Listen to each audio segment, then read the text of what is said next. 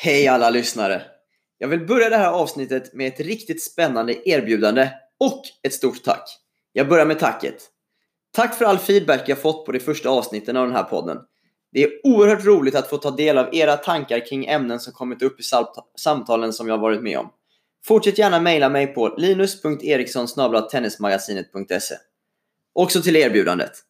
Nästa nummer av tidningen Svenska Tennismagasinet släpps den 22 juni och jag har fått glädjen att kunna erbjuda alla nya prenumeranter 20% om ni tecknar en årsprenumeration och anger koden LINUS20. I nästa nummer har jag själv med två artiklar. En lite annorlunda intervju med Christer Sjö, generalsekreterare på Svenska Tennisförbundet. Och ett reportage där jag tar reda på myten att alla damspelare spelar likadant. Hårt, platt och slår aggressivt i alla lägen.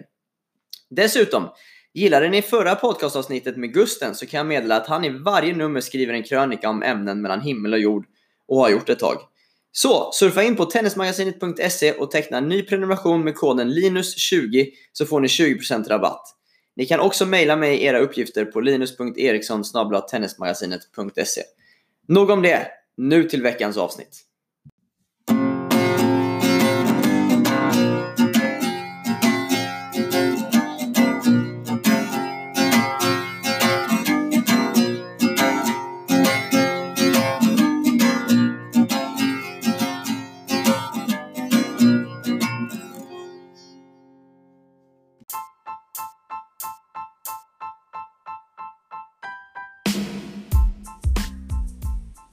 Idag ska ni få träffa en riktig legend inom Göteborgstennisen, nämligen Martin Stig. Martin Stig spelade själv collegetennis på Northwestern University i Chicago. Efter det spenderade han 17 år på Göteborgs Tennisförbund som under den här perioden övergick till att bli region. Givetvis berättar han en hel del om sitt arbete där och sin syn på Göteborgstennisen, med allt ifrån klubbars samarbete till hur regionen resultatmässigt presterat under de här åren. Förutom det här förklarar Martin hur Påvelunds tennis och badmintonklubb, där han jobbar idag, har råd att ha en klubbchef som inte står på banan, vad som ingår i hans roll som spindeln i nätet mellan tennis och badmintonklubben, samt vad vi kan lära oss av just badmintonens tävlingssystem. God lyssning! Martin Stig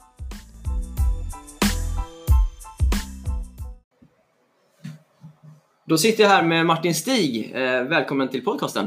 Tack så mycket Linus. Vi sitter i Mölndals tennishall som du själv har en historia i. Du var spelare här för ett antal år sedan eller? Ja, det var här jag började min eh, tenniskarriär som sjuåring och spelade väl egentligen, representerade klubben ända fram till eh, jag blev eh, klubbchef i Påvelunds tennis och badmintonklubb för tre och ett halvt år sedan. Då kände jag mig nödgad att byta förening. nu representerar du Påvelund? Just det. Mm. Okay. Och nu är det på en något lägre nivå än jag spelade här i Mölndal.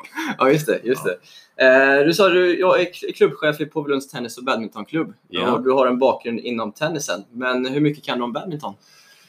Inte någonting egentligen alls när jag började där för tre och ett halvt år sedan. Eh, mm. Men sen har jag lärt mig en hel del under de här under den här tiden i klubben. Eh, inte så mycket på banan men eh, ändå liksom hur badmintonen upp, eh, mm. uppstrukturerad och så i, i badminton-Sverige. Och, ja, klubbar och lärt känna en del personer och tränare och mm. så inom badmintonen. Mm. I den rollen du har som, som klubbchef för båda grenarna, antar jag, behöver man kunna mycket om sporten badminton?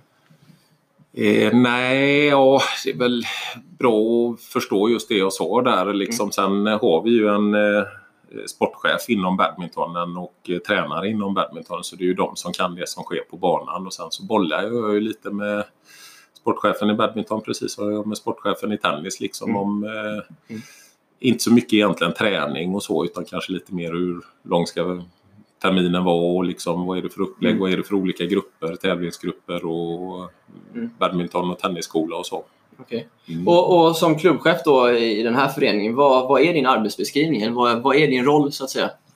Ja, ytterst, vi har ju en styrelse givetvis i en förening mm. och sen så eh, hinner ju inte styrelsen med och på ideell basis att sköta den dagliga driften. Så jag är ansvarig mer för daglig drift. Och det är mm. ju ett personalansvar. Eh, det är väl ett tiotal tränare, eh, receptionspersonal som jobbar mer eller mindre heltid och sen mm. är det ju många timanställda tränare som i sin tur i och för sig ligger personal under de ansvariga för tennis respektive badminton. Sen har vi ju ekonomi och anläggning, eh, marknad, kommunikation och ja, det är ganska så brett. Och sen är det ju bra att ha lite koll som sagt på tennisen och Ja. badminton. Det är ju ändå en idrottsförening. Ja. Du, du, du kan ju mycket tennis, men du står inte någonting som tränare på banan. Nej, jag står väl, eh, blir väl en till två timmar i veckan. Uff, ja, okej. så, så mycket är det. Vi har ett eh, företagsnätverk inom tennisen. Där eh, är jag med som tränare. Ja. Eh, på badminton så står jag absolut ingenting som tränare kan jag säga. Där hade jag snarare själv fått vara med i en vuxengrupp i så fall. jag ska det. Just det. På banan. Ja. Mm. Men, men jag tänker en tennisförening i år. Eh, har man råd att ha en tenniskunnig person som inte står på banan? Eh, ja, det... Ehm, I vårt fall, vi omsätter väl nästan 11 miljoner kronor och eh, när jag började där så hade vi faktiskt rätt usel ekonomi. Det var väl så att jag började i augusti 2016 och märkte att likviditetsmässigt så hade vi knappt råd att betala lönerna fram till eh, jul, nyår och en anledning till det var väl egentligen att det inte är svårt för en ideell styrelse att ha koll och det är svårt för när det är ett antal i personal så gör man sina grejer och man kanske inte riktigt har koll på intäkter och kostnader. Då? Mm. Mm. Eh, och nu har vi klart starkare likviditet och vi har under de här tre och ett halvt åren vi har bytt tak nu eh, för 4 miljoner och vi har bytt badmintonmatta för en miljon och nya ledrör där för ja, med elkostnader för en halv miljon så det, det är ändå pengar som jag tror att vi har eh, man har råd att göra det. Eh, Okej. Ja, det är väl min uppfattning väl Ja, säga. Annars ja, ja. skulle jag inte varit kvar där jag är. Nej, jag förstår. Nej. Men, eh, Du, du har ju jobbat liksom med, med, vi kommer in på det sen, men jobbat med sportsliga tennisen eh, mycket på Tennis Göteborg och så vidare tidigare. Och nu pratar du om att eh, du är involverad i frågor kring eh, ledrör och belysning och massa andra grejer. Mm. Tycker, du, tycker du det är lika roligt som det sportsliga?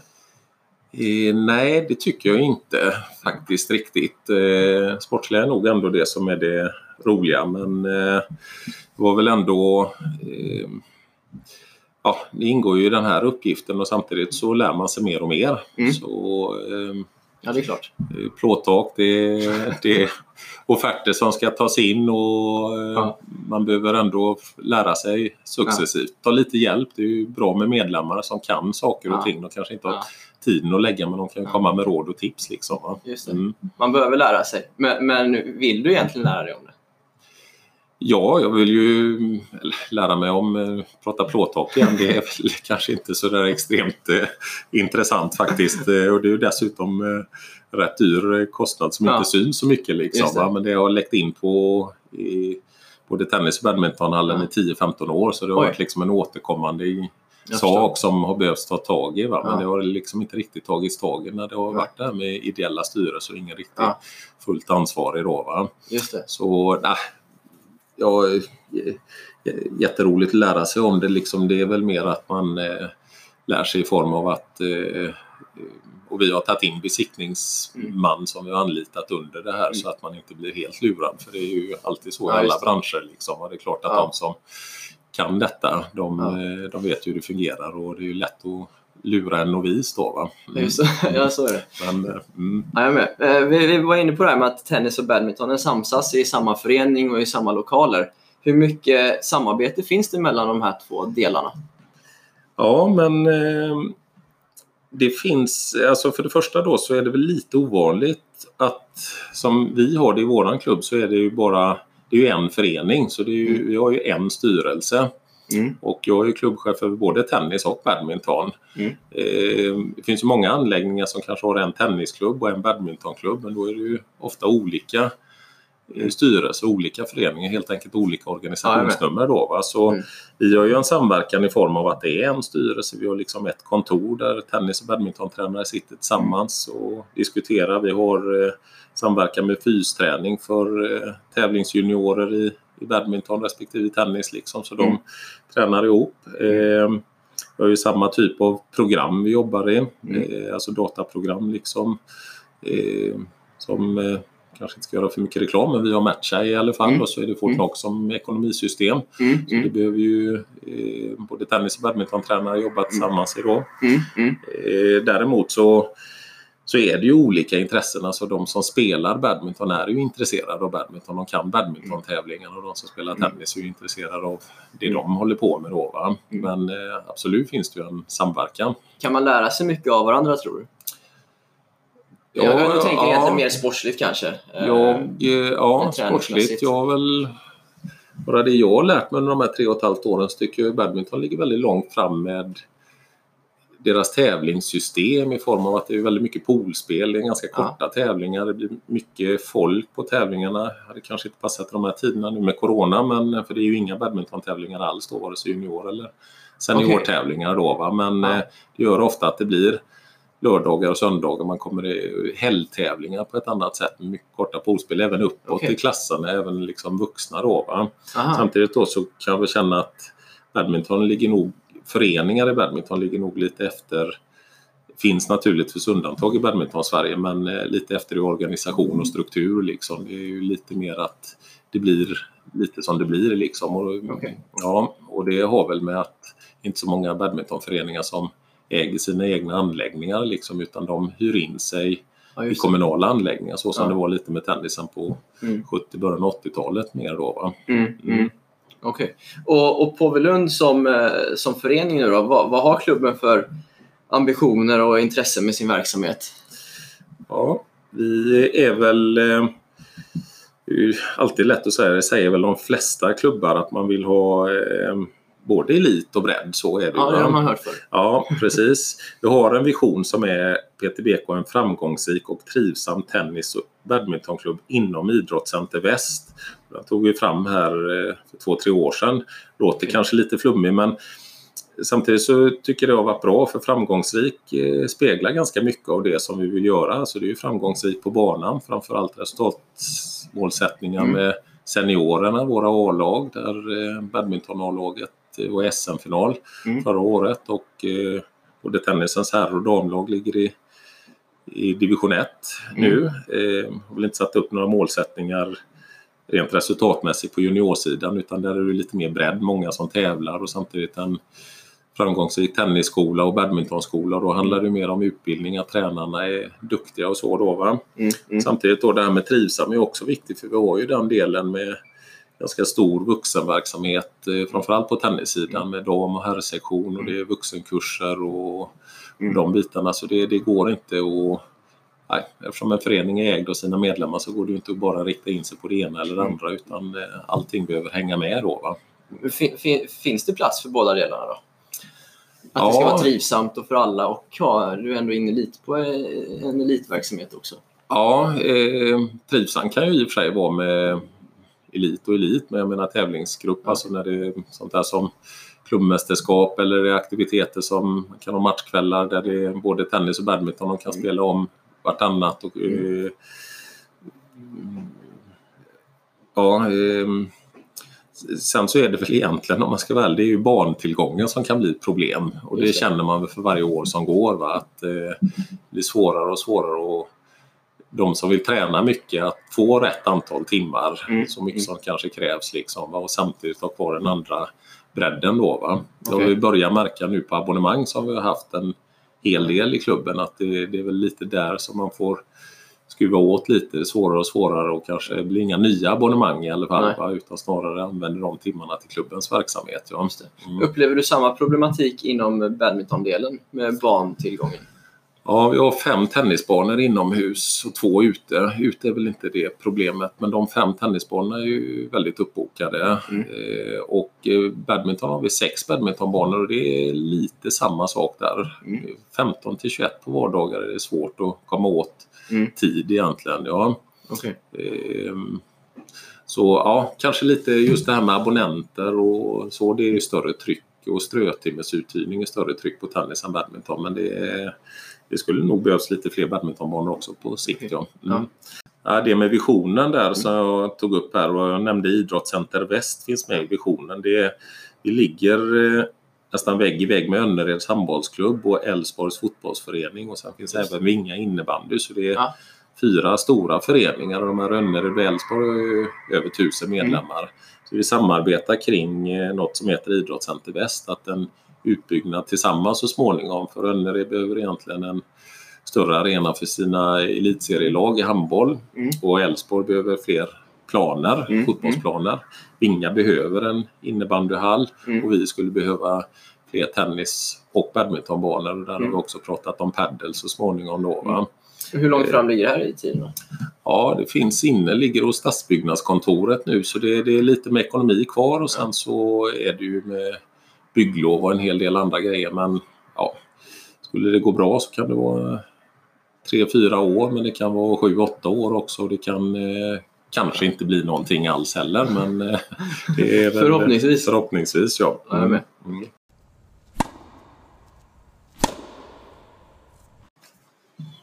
Martin, skulle du kunna berätta lite kort om din egen tenniskarriär som så småningom ledde fram till college-tennis?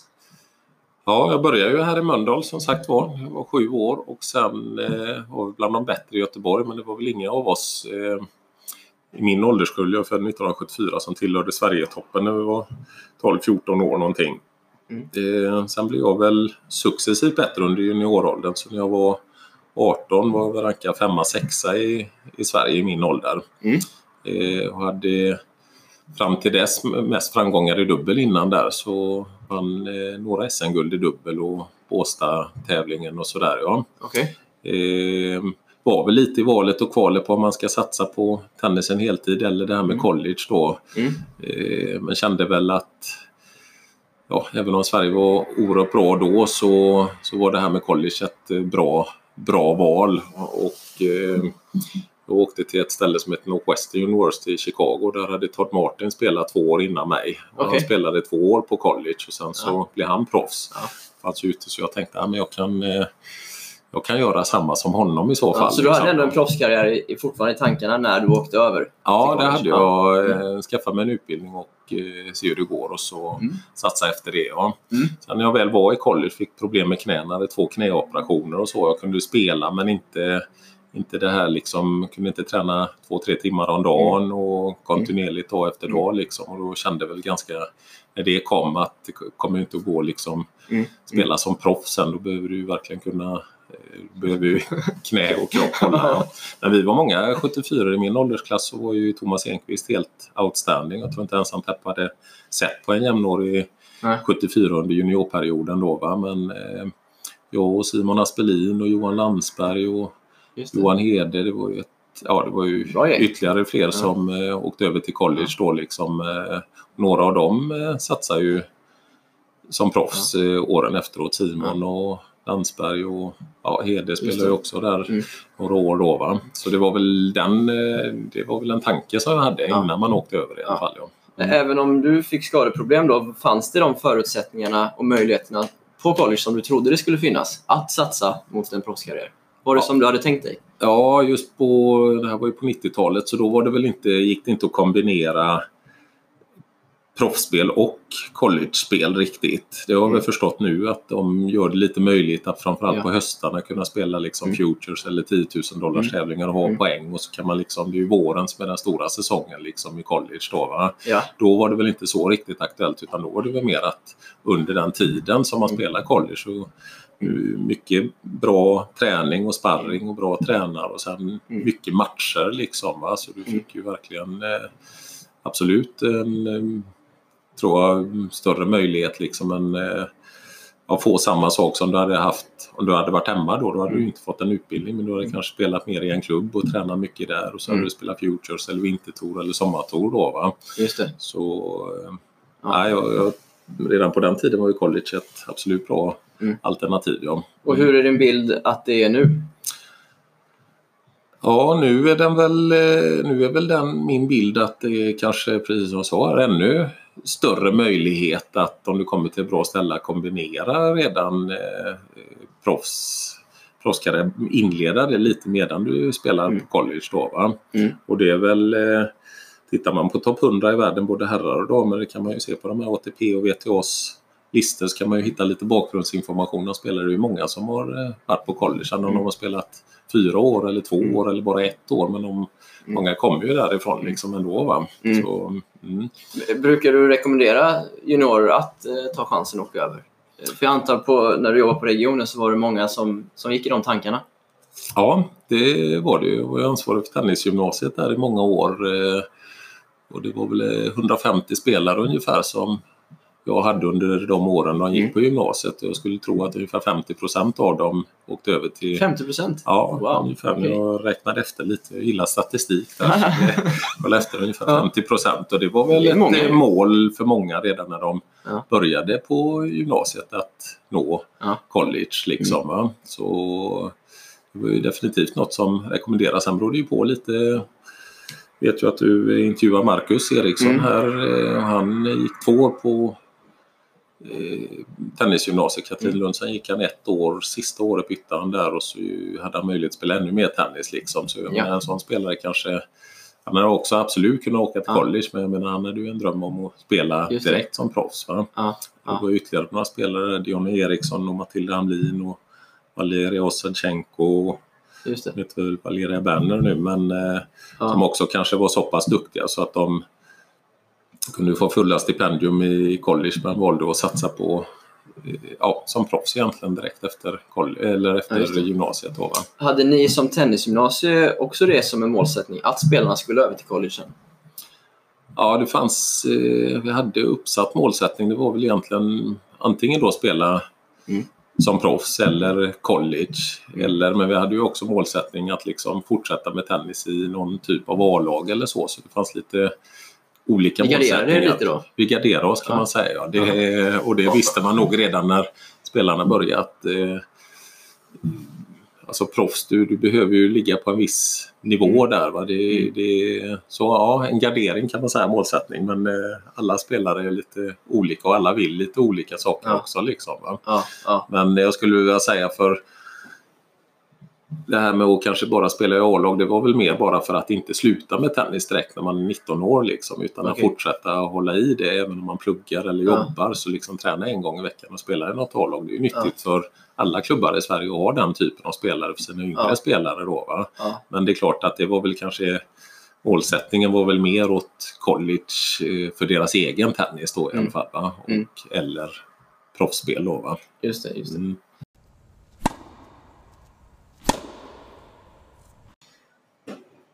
I 17 år, om jag räknar rätt, jobbade du på Region Göteborg, eh, varav 14 år som heltidsanställd.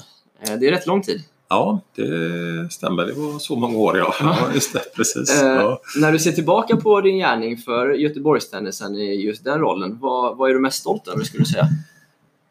ja, det här med tennisgymnasiet som jag nämnde alldeles nyss tycker jag är stolt att vara med och starta upp det där. Eftersom det var så pass många spelare som ändå gick där och Mm. eh, många av dem som ja, mm, åkte till college och Mm. vissa som spelar heltid. och eh, så är jag stolt över det och fortfarande än idag har kontakt med vissa. Om man träffar på vissa ibland så känner jag att det är många av dem som har lyckats i livet efter Mm. tennisen. Alltså, de har bra jobb idag och de eh, eh, ja, trivs med livet helt enkelt. Ja, det, det känns ju som en, en stolthet. Och ofta blir det ju så att eh, de spelarna som kom upp, alltså man var ju med liksom på när de var yngre liksom, eh, det kunde vara uttagningar till läger redan när de Mm. var 12 år liksom eller sådana som, som eh, Pires pokal och Mm. allt vad det var och eh, Next Generation Cup och så liksom. Så man hade ju ganska bra koll på de här spelarna när de var yngre och sen så Mm. liksom är det ju ett lite vägval där när de kommer upp till gymnasiet. Liksom. Antingen är det ju satsning eller så blir det många Mm. som slutar då. Va? Mm.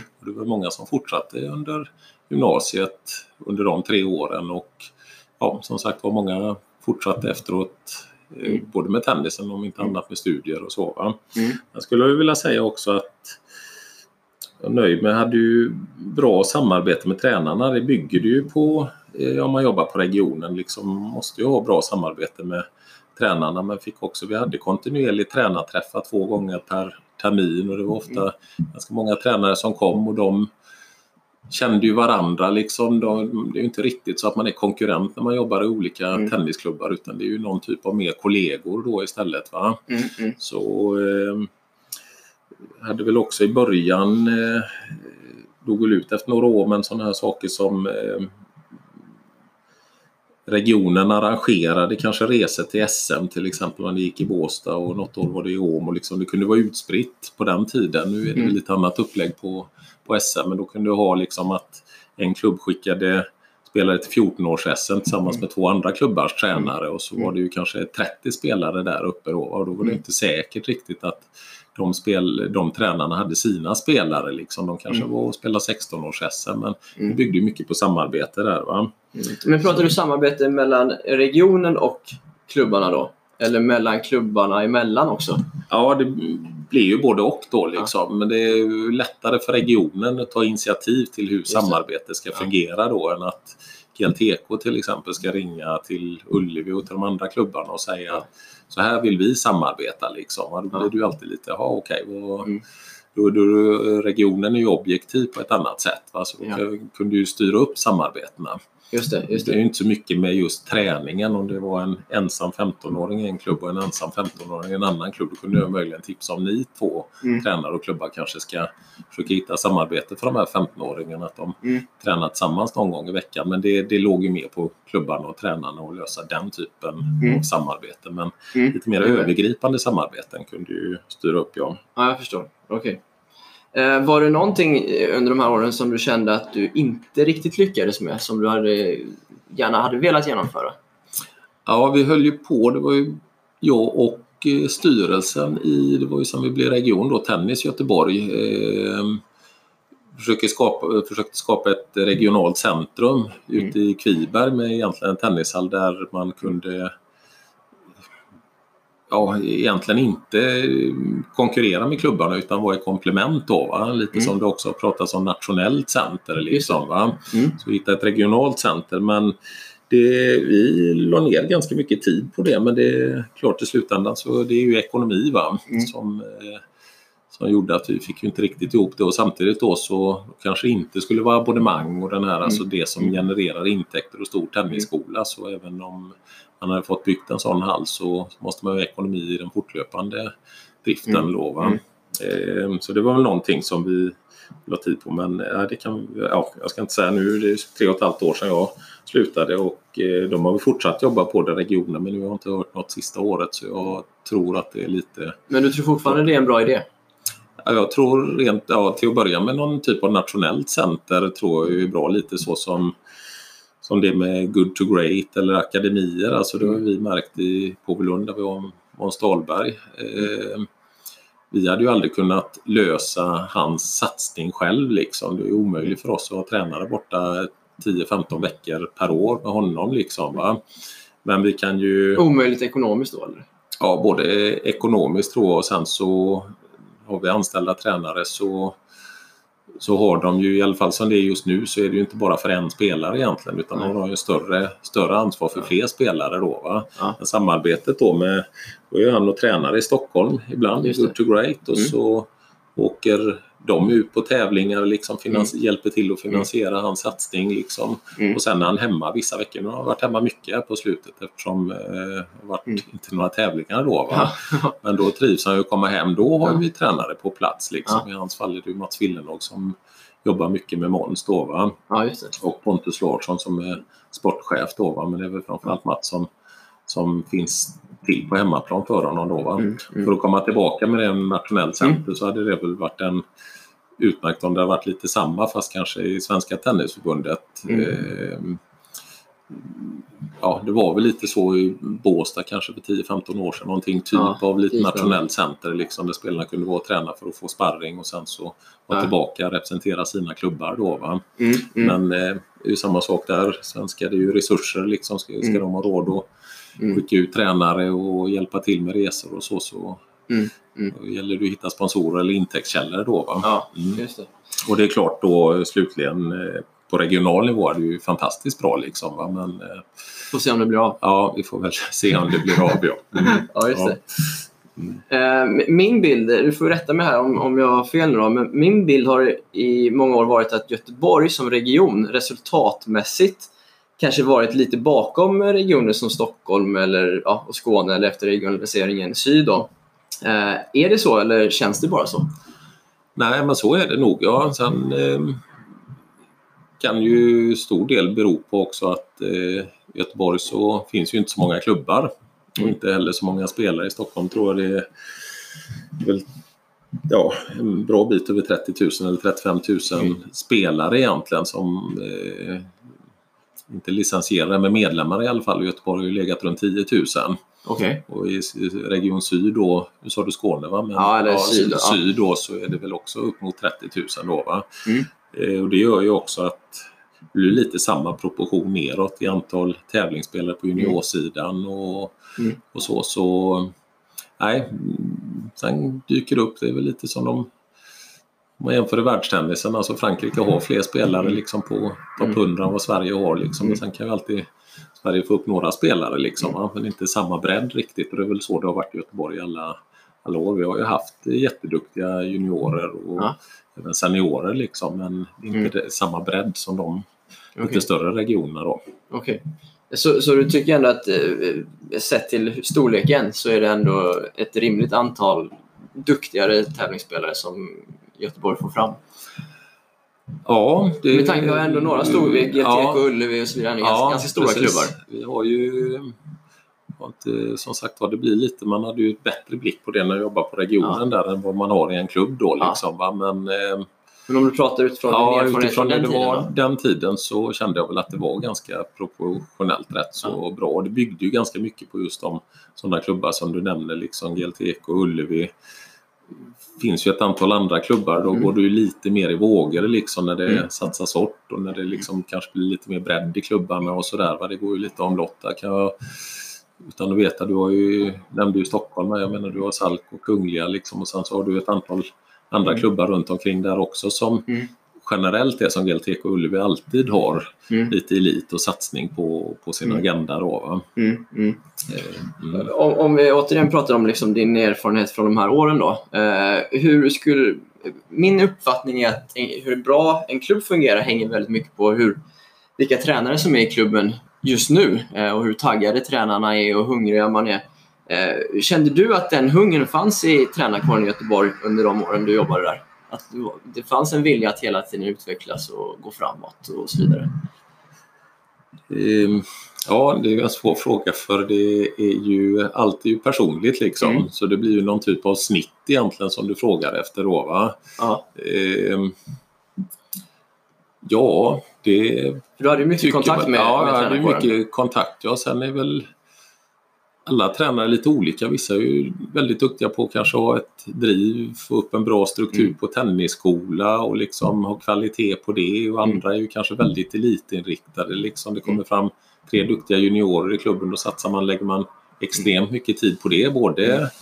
inom arbete men också mycket ideellt. Liksom, va? Så, eh, ja, generellt så så får jag väl ändå säga att det fanns ett, eh, ett driv där liksom men eh, det är svårt att ha ett driv inom alla områden egentligen och ibland så kanske vissa klubbar liksom bara har en tränare som ska ta hand om allting. Det ska mm. vara både det som är hjälpa till de satsande tävlingsspelarna och det ska vara en, en eh, tennisskola. Liksom, mm. Och beroende på om tränaren är intresserad av det ena eller andra så blir det ju liksom, då kan man uppleva ett mindre driv i den mm. delen som tränaren inte är så intresserad av. Då, va? Jag förstår. Eh, klart, ju större klubben är desto mer eh, jag nämnde Good to Great här förut. Jag, det kanske finns en bredd där också. Jag har inte riktigt koll på Good to Great men jag antar att det är lite mer åt elitsatsning och då söker sig tränare som vill jobba med elitspelare dit. Va? Och det är ju det de brinner för. Hade de hamnat på minitennis kanske de inte hade haft det brinnande intresset och inte varit lika drivna då. Va? Just det, just det. Så, och så är det ju många mindre klubbar, det vet ju du som ja, har jobbat i lite ja. olika klubbar, att vissa ja. klubbar har inte råd med mer än en eller Nej.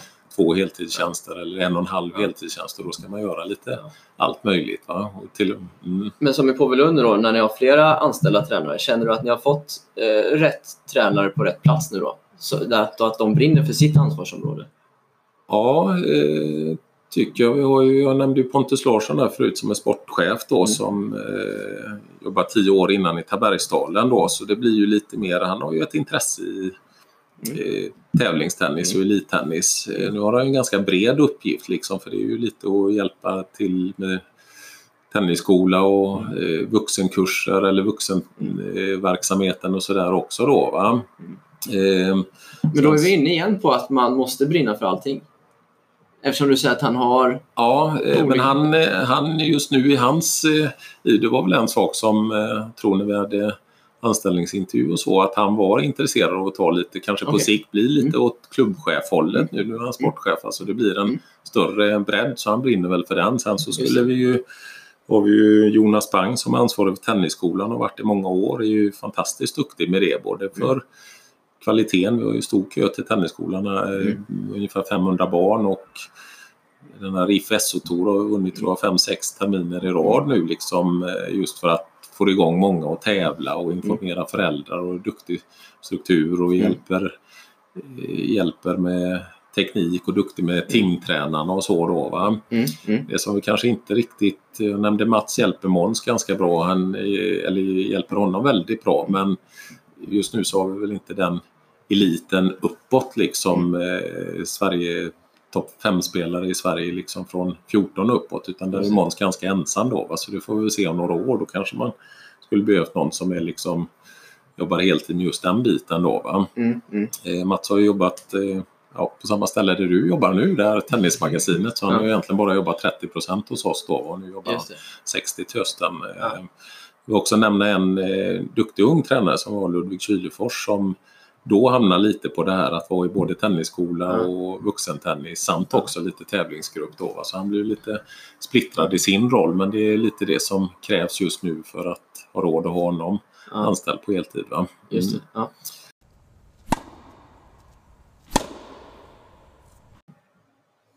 Efter så många år på regionen då, känner du att det varit en stor omställning att börja jobba i en klubb igen? Ja, igen, för jag har aldrig jobbat i klubb egentligen så det är ju en, en omställning framförallt första året med, med det som jag nämnde lite förut där med anläggning, en helt annan ekonomi än på mm. regionen. Jag omsatte väl 2-2,5 miljoner då, nu är det 11 här liksom i klubb så det är en större verksamhet och kanske framförallt med personal liksom. Eh, så många anställda så blir det ju en del egentligen HR-frågor liksom med kollektivavtal och sådana saker mm. som eh, ja, man har fått lära sig lite successivt. Va? Men det är klart, om man jobbar på större företag då finns det ju en HR-avdelning. Liksom, va? Och det finns mm. ju en fastighetsavdelning som sköter fastigheterna och så. Va? Det, det, det är inte så. riktigt så i en uh, förening eller ja, ja. säkert ett mindre företag som äger sin fastighet också så får man ju lösa det mesta själv. Liksom? Ja, mm. just det. De, den typen av frågor var ju inte på regionen. Det, vi, vi, vi hyrde ju lokal liksom, kontor va? Mm. och personal var ju liksom mest timanställda liksom. Mm. Eh, det är en då som jobbade där, Nils, som jobbar många år, han har gått i pension nu liksom, men det var ju bara en personal mm. egentligen att ha mm. hand om. Mm. Och ekonomin var ju som jag sa mycket mm. mindre. Det behövde inte vara så många kostnadsställen liksom. Det blir det ju här med framförallt med badminton och tennis liksom så behöver man ju ändå ha koll på respektive idrotts... Men det låter nästan lite som att det är som att driva ett företag. Eh, ja, när du pratar. Kan, ja, är det så? Ja, jag har aldrig drivit ett företag så jag vet inte riktigt. men, men, men eh, jag ser väl inte så stor skillnad. Klart det är en skillnad. En ideell förening ägs ju av medlemmarna så det är ju mm. liksom årsmöte och så bestämmer ju styrelse och styrelse är ju ändå de som sätter upp riktlinjer mm. övergripande liksom och sen så blir jag ju någon typ av VD, klubbchef liksom som ska sköta med den dagliga mm. driften som är svårt för en ideell styrelse att hinna med då. Liksom, mm. Mm. Och det är väl lite så som företag är uppbyggt också egentligen. Ja. Mm.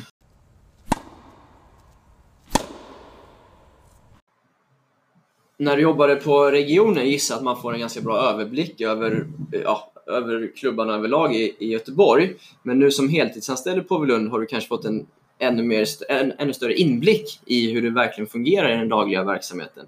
Finns det saker som har förvånat dig som du kanske inte riktigt såg i din roll på eh, Göteborgsregionen? Ja, eh, satt jag i styrelsen i Mölndals tennisklubb i några år där också så jag fick väl från styrelsehåll i en klubb ändå lite inblick i den dagliga Mm. verksamheten. Mm. Något som jag ändå kanske då kunde tycka när jag var på regionen var väl just det här som jag var inne på förut med att, att tränare inte var mer specialiserade på vad Mm. de skulle göra liksom eller Mm. det de brann för och det kan man väl se nu när man är i en klubb så så för att få ihop någon typ av heltidstjänst så att de bara kan jobba med tennis och helst i samma klubb liksom, så blir det ju att det blir många olika bitar. Liksom, va? Det är ju timmar på banan och kanske det inte det är inte så lätt att ha de tjänsterna där det bara är elitjuniorer Mm. eh, utan då behöver det vara lite i tennisskola och vuxentennis och så Mm. kunde jag väl tänka då på den tiden att ja, konstigt, den tränaren som är så himla duktig på just det och det, varför Ja. liksom, låter inte den klubben För, för det har man väl hört lite när tränare varit utomlands och kollat på akademier eller hur Ja. andra länder jobbar. Att tränare kanske är lite mer specialiserade på Mm. vissa åldrar till exempel. Mm, mm. Eh, Eller jag uppfattar i alla fall att det är något som många kommer tillbaka och berättar om. Ja, precis. Det, ehm, det, Men det kanske inte går i en svensk Jo, det tennisförening, går liksom. eh, säkerligen absolut och lite eh, större klubbar. Jag, menar de större i Sverige, jag tror ju Fair Play till exempel har ju ganska specialiserade tjänster för rätt typ av tränare då va. Mm. Eh, De har den, de ekonomiska musklerna att de kan göra det. Mm. Kan vara svårt att jämföra också med utomlands i och för sig för det kanske är de kanske är lite mer åt akademihållet liksom så som Good to Great är liksom. Mm. Alltså folk betalar Mm. mycket mer pengar liksom. Det kanske Mm. är 5-10 tusen i veckan eller för två veckor eller något sånt. Det är ju kanske Mm. vad en terminsavgift är liksom annars här i Sverige då. Eh, Och då klart, ju mer pengar du får in desto mer kan du specialisera dig då va. Eh, Borde vi ta mer betalt för tennisen i Sverige?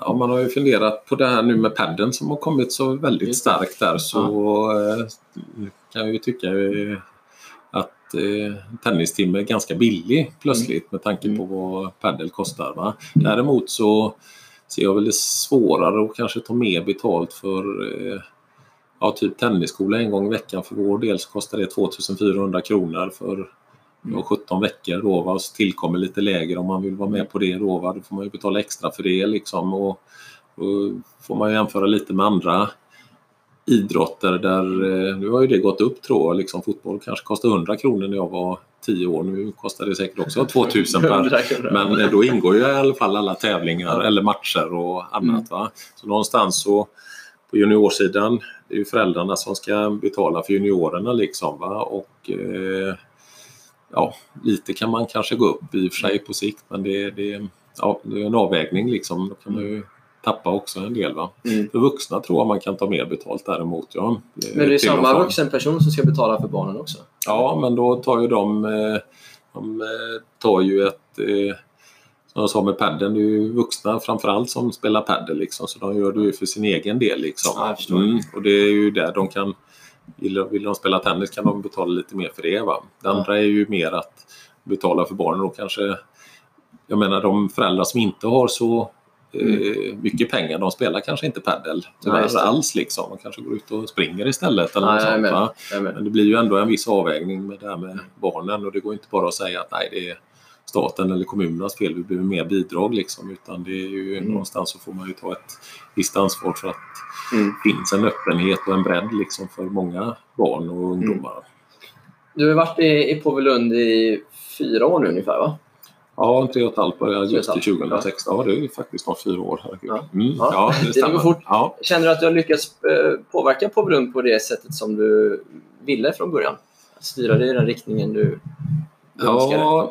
Ja, men det får jag säga. Jag hade väl när jag anställdes där så var väl ett ganska tydligt uppdrag från den styrelsen att eh, behövde lösa daglig drift på ett annat sätt så att Mm. inte folk sprang runt och gjorde liksom eh, inte riktigt visste vad de skulle göra liksom eller bara gjorde just det de kände för för stunden. Va? Och sen så var det ju också med ekonomin eftersom vi hade så pass dålig ekonomi när jag började och ingen riktig kontroll på det. Mm. Eh, och mer struktur, att det blev mycket liksom fanns egentligen inte mycket nedskrivet liksom utan det Mm. blev lite vad var det föräldrar som låg på och tränade och då fick de barnen det lite bättre än de Mm. föräldrarna som inte låg på. Liksom. Så att vi Mm. har lite mer dokument, att det blir lite enklare att arbeta och det tycker jag ju att vi med verksamhetsplan och sådana saker som vi går igenom inför, för varje år eh, har lyckats bra med. Ja, vilket också gör att det fungerar väldigt bra arbete med styrelsen då för Mm. då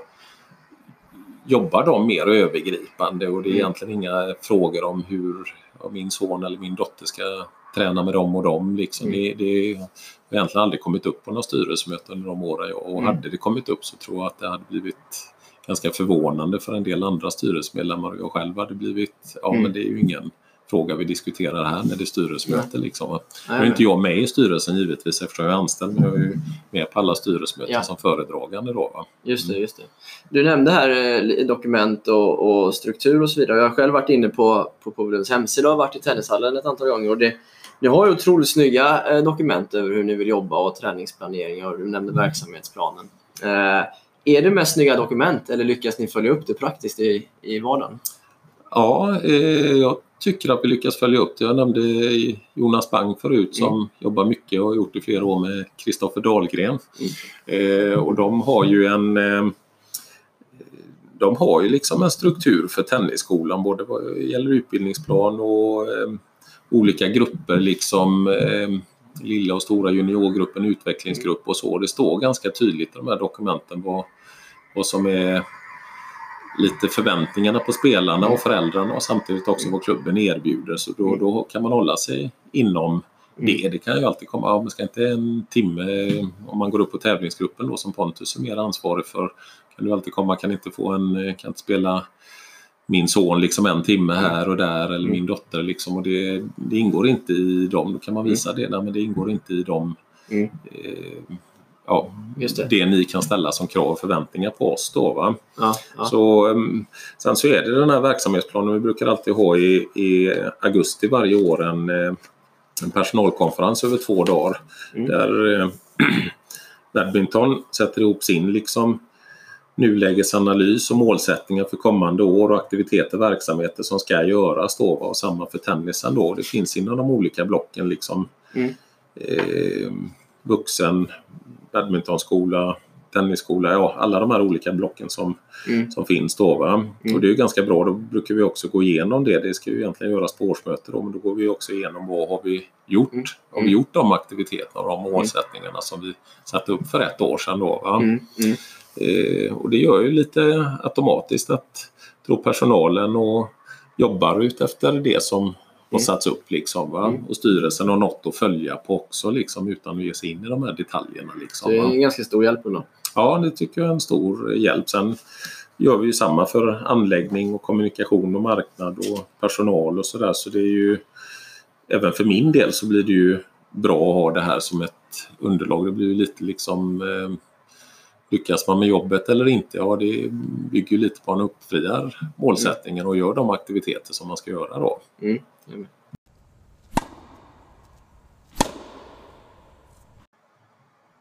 Då kommer vi in på det här segmentet där jag ställer lite blandade frågor som jag har tagit från lite andra podcaster och medier. Eh, första frågan, vad är det senaste du ändrade uppfattning om? Senaste som ändrade uppfattning? Ja, eh, om vi pratar tennis nu så någonting som jag har ändrat uppfattning om lite är ju det här med att för att kunna bli proffs så tänkte jag nog ganska mycket tidigare. Den internationella konkurrensen är så stenhård så man måste liksom börja när man är 6-7 år. Mm. Man måste ju liksom Mm. träna ganska många timmar liksom, va? när man är väldigt ung. Men det tycker jag nu också lite det här med när man har eh, sett på um, ATP och vet jag, det finns ju vissa spelare som ändå har börjat lite senare. Jag tror en sån som Stan Wawrinka börjar, ja, han kanske började när han var inte, 8-9 år liksom, men Mm. lite successivt. Det var någon, tror någon italienare jag eh, såg också som börjat när 10 så någonstans har vi kanske ändrat mängden. Tennis är ju oerhört viktigt och det går ju inte att börja tror jag när man är 15 år liksom, för då har du ju tappat den här gyllene åldern när man Mm. liksom verkligen får in tekniken och sådär. va. Så du kan ju inte vänta för länge men mycket handlar nog väldigt eh, den egna drivkraften. Sen är ju tränare viktigt också, att få in Mm. rätt stöttning och så på till mig. Och, ehm, ja, jag tror att det går att faktiskt slå igenom liksom om man, eh, när man är lite... Man måste inte börja när man är 4, 5, 6 år. Liksom. Ja. Mm. Mm. Okay. Vad tror du på som du upplever att andra tycker är lite galet? Ja, andra tycker det är galet men eh, vi nämnde det här med företag och förening förut och jag tror ju faktiskt att en förening kan fungera delvis som ett företag om det är väl strukturerat liksom. En, en styrelse som, eh, som ser det övergripande. Man har en verksamhetsplan. Eh, man lämnar ett ansvar till klubbchef eh, eller som på ett företag VD då. Sköta den dagliga driften, det som ja, personalansvar, det som pratar om det. Då har man väl, jag ska inte säga att det är galet men ibland så och det känns under alla år på regionen så händer det ofta att det blir liksom, funkar inte klubbar. Tränare byttes mm. ut för att det kom in någon ny person i en styrelse och liksom mm. styrelse ordförande byttes ut fast man mm. kunde tycka den personen har gjort ett bra jobb liksom. Mm. Men då var det någon annan, en massa egna intressen kändes det väldigt ofta i föreningar och så mm. var ju ofta förklaringen, ja men det är ju liksom det är medlemmarna styr liksom. Jag mm. tror att det behöver inte vara så. Det är ju visst ett årsmöte kan ju kan ju ske en kupp, det kanske det inte gör på samma sätt i ett företag men i övrigt så går det ju att driva mm. en förening på mm. samma sätt som ett företag då. Va? Mm. Okay. När tvivlar du på dig själv i din yrkesroll? Ja, det var väl eh, jag började där i Påvelund, just de här frågorna som jag nämnde också förut. Liksom, eh, anläggning, ta in offerter på badmintonmattor och ledrör och samtidigt en del HR-frågor. Liksom. Det var ju inte bara, alltså det finns ju liksom kollektivavtal och annat liksom. Det går inte, ja. Oregelbunden arbetstid, har du sex veckors semester eller regelbunden ja. arbetstid, fem veckors semester. Ja, vad är regelbunden arbetstid? Ja, då ska man inte jobba efter 18 för då blir det OB. Liksom. Det, är ju, fan, det är ju alla tennistränare. Liksom. Jag tänkte säga, går det att följa det där som tennistränare? Eh, Ja, det går ju om man har, som jag nämnde, oregelbunden arbetstid. Att man går eh, överens om det och har det i ett avtal. Då är det ju okej från ja. eh, facket. Liksom. Sen är det väl många inom vår bransch som tennistränare som inte har koll på det riktigt. Va? Mm. Men det är ju när det strular så så ja, finns ju ändå, nej, det finns ju ändå typ unionen som kan de reglerna och då är det ju bra att ha koll på det innan. Liksom, va? Så, ja, sen ekonomi kunde jag väl hyfsat tyckte jag liksom. Men det är klart att det blir man märkte det ju lite mer just det här kontoplan och kostnadsställning och resultaträkningar och balansräkningar och grejer. Det är ju, behöver ju ha den kollen. Det finns ju hjälp att få kanske av mm. medlemmar eller så men ofta har ju inte de tid mer än att kanske ge lite råd och så. Ja. Så där, där var jag väl lite tvivlande på mig själv i början mm. första året. Men sen kom man in i det mer och mer och nu känner jag inte att jag tvivlar på det direkt. Nej. På. Nej, men. Nej. Om, du fick, eh, om du fick ändra på en regel i, inom tennisen, vad skulle du vilja ändra på? Om du skulle vilja ändra på någonting? Ja, eh, nej, någon regel. Jag har ju, tennisen har ju stått sig ganska bra i många, många år så jag ser väl inte det här liksom ta bort en surv eller något sånt där, inte direkt va. Eh, plan, det liksom ska inte hända. Nej, så jag ser väl inget så. Däremot så kan jag väl känna, det har inte med regler att göra, men eh, gillar väl lite mer det kanske när jag är uppvuxen på 80-talet. Alltså det här när Wimbledon, liksom de stora tävlingarna, det, du behövde vara lite specialiserad på den typen av mm. underlag. Liksom, va? Eh, grus var ju lite mer... Alltså behövde vara lite det skilde mer, sig? På, ja, skilde sig. Det har inte med regler att göra men nu känns det ju som nu de här bästa i världen, framförallt på herrsidan, är ju fantastiska tennisspelare liksom. Ja. Men det, det, det, är ju ganska likt. Ja, Underlagen spelar ju inte så stor roll mellan Nej. Paris och Wimbledon då. Va? Ja. Så det saknar lite men det, ja, jag vet inte riktigt varför det har blivit så liksom. Men det, det är ju andra val ja. Eh, inte en regel men det är väl kanske mer något som jag har fått från badminton. Det här med poolspel tror jag ju mycket ja, det på. Det har ju egentligen mm. inte en, en regel att göra och det har väl lite med hur mycket ja, tävlingar ska kanske generera pengar liksom och en tennismatch tar lång tid men mm. hellre kanske lite kortare matcher liksom mm. och så och så blir det lite fler matcher liksom. Jag gillar ja. ju verkligen det med A, B och C-klasser som kom för några år ja. sedan men ja. det är ju fortfarande så att åker du ut till första så är, åker du ut till första. Liksom. Ja. Det finns ju inga tröstturneringar eller det blir inte mer än två, tre matcher och det är väl någonting som gör att det kan vara ett problem för föräldrar att anmäla på sikt. Liksom, att, eh, Men det är ju bara för er i Påvelund att eh, ha tröstturneringar då. ja, precis. Det är bra. Mm. Poolspel. Så sista frågan Martin. Mm. Vi avslutar med en, eh, en lite lätt fråga här då. Varför tror du att svensk tennis har tappat i den internationella konkurrensen och vad ska vi göra för att ta oss uppåt igen? Ja, nu pratar vi väl herrtennis där då förstås. Va? Det, det får du välja själv. det- Den frågan har man ju fått många gånger från vänner och annat. Och herregud, vi har tappat liksom. Va? Men det är ju egentligen herrtennisen som media och alla jämför med från 80-90-talet. Va? Ja. Damtennisen har vi väl egentligen varit på den nivån vi är nu liksom i flera år. Va? Mm. Juniorsidan kanske har tappat lite, det har jag ingen riktig, riktig koll på. Men, eh, men på herrtennisen så Ja, du säger ju själv internationella konkurrensen så det är klart att det är ju en stenhård konkurrens Mm. jämfört med många, många Ja, det är det. år sedan. Men eh, sen är det väl lite det här med resurser. Alltså, så jag förstår de här stora länderna som Frankrike och England. Alltså, de kan ta ut 30 spelare eller 20 eller vad det nu är och så kan de ge dem tre år Mm. möjlighet liksom? Mm, mm. att satsa. En svensk tennisspelare som 18-19 du behöver ju liksom ha resurser och satsa för du slår ju inte Mm. igenom generellt nu när du är 18, 19, 20 liksom. Du kanske slår igenom när du är 25 liksom Mm. och då gäller det att Mm. ha den möjligheten. Så det eh, Träningen klubbarna eh, Ja, det finns väl saker att göra. Jag tror ju mer på det här som, eh, som jag nämnde förut med Måns Dahlberg, vårt samarbete med Good to Great tror jag är väldigt viktigt. Liksom, va? Mm. Eh, inte heller bara att säga att det ska bara ske liksom. Va? Mm. Fler eh, akademier och fler samarbeten med klubbar men eh, det tror jag är en fördel. Ja. Mm. Jag vet att det har sagts också att svenska barn kanske det lite för lätt för sig. Alltså det, de orkar inte lägga ner det hårda arbetet men Mm. det tror jag väl gäller hela västvärlden i så Mm. fall. Va? Och jag menar de spelarna som är dominanter på här sidan där med Federer och Nadal och Djokovic och Murray när han var där. Jag tror inte att de var jättefattiga när de var små liksom. Och, Mm. Utan de hade ju nog ganska bra förutsättningar så där handlar det nog mer om att hitta de som verkligen vill lägga ner tiden. Liksom. De, Mm. de tycker det är så roligt med tennis och träna att det liksom Mm. är Mm. Ja, det slår ut allt det andra då. Va? Mm. Där är ett bra exempel på Marcus Eriksson som du intervjuade här förut Mm. som liksom verkligen har brunnit för Mm. sin tennis och träning alla år. Liksom, va? Mm. Sen har han inte nått lika långt som Federer men, eh, men, eh, Men nej. kanske också eh, Ibland tycker jag väl, slå ett slag för tennisen där, ibland tycker jag att det blir lite orättvist i media och bland den svenska befolkningen liksom att eh, man lyckas inte. Jag menar det är nu Mikael Ymer eller Rebecca Pettersson.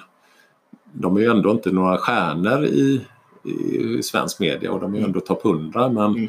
är man topp 100 i tennis eller är man topp 500 i tennis så är man ju liksom, hade man varit hockeyspelare så är man ju ett NHL-proffs och då Mm. anses man ju vara lyckad. Va? Mm. Är man tusen i världen i hockey så är man ju stjärna i elitserien eller NHL-spelare eller Ja. KHL-spelare. Mm. Är du tusen i världen i tennis är du ju egentligen ingenting men att bli tusen i världen i tennis är ju oerhört mycket svårare än att bli tusen i världen i hockey. Det är ju en Mm. helt annan konkurrens liksom med hela Mm. Sydamerika, hela Europa, även södra Europa och Mm. Asien. Det är ju Mm. stort i Australien, stort i USA, Kanada liksom. Så, Mm. Mm. så det, det är en tuff konkurrens och det är väl lite där som vi har varit inne på förut. Vi kanske inte kan räkna med att ha 10 spelare topp 100 liksom men eh, Mm. ha en, två, tre, fyra så är det då är det Mm. rätt så bra. Va? Sen hur man når dit, det kommer nog att vara olika vägar. Eh, Klubb, Mm. akademi, utomlands, via college. Liksom det, det är mer individen som, som hittas rätt förutsättningar för och så har den där stora drivkraften. Då, va? Just det, just det. Mm. Då tackar jag för att du tog dig tid Martin. Tack så mycket Linus!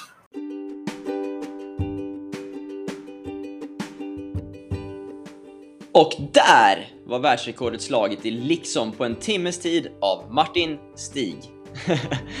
Skämt åsido, få personer känner till tennisen i Göteborg bättre än Martin. 17 år på samma arbetsplats är en imponerande tidsperiod. När Martin kommer in på ämnet att tränare i svenska tennisföreningar är taggade på olika områden känner jag att det givetvis stämmer, men vet själv att även om man är taggad till tårna på ett visst verksamhetsområde är det oftast bara en tårtbit av ens arbetstid man lägger där, framförallt praktiskt på banan. Och lika mycket energi går åt till andra bitar som man kanske själv varken har lust eller kunskap för egentligen. Där har vi en stor pusselbit tror jag inom svensk tennis att lösa hur vi ska kunna specialisera oss ännu mer och kunna jobba och lägga tid på just det området i vårt dagliga arbete. Om ni inte har varit inne på PV Lunds hemsida tycker jag ni ska ta en titt. Precis som Martin säger har de väldigt fina och tydliga dokument och verksamhetsplaner med vart de vill med klubben. Stor eloge till det! Ibland kan jag höra att dokument är all ära, men det är på banan arbetet ska ske. Jag håller med, men det kan aldrig vara en nackdel att vara tydlig och veta vart man ska. Det tycker jag inte man kan kritisera. Däremot kan man ifrågasätta om man sedan inte följer det. Men det är en annan diskussion och fråga tycker jag. Dokumenten i sig är sällan negativa. Sista punkten jag tänkte ta upp för dagen var när Martin sa att man på Tennisgymnasiet i Göteborg hade som uppsatta mål att spelarna skulle bli proffs, gå college eller spela tennis i ett A-lag. Först så skrattade jag lite för mig själv, för jag tänkte att det går inte att misslyckas med de målen. Men sen så insåg jag att målsättningen de har är ju med andra ord att spelarna ska fortsätta spela tennis efter gymnasiet, i mer eller mindre vilken form som helst, men i alla fall inte sluta. Och ja, det kanske är en rimlig målsättning att ha för ett tennisgymnasium idag. Eller? Fegt eller rimligt, ni får avgöra. Tack för den här veckan och kom ihåg, aldrig magen mot nätet.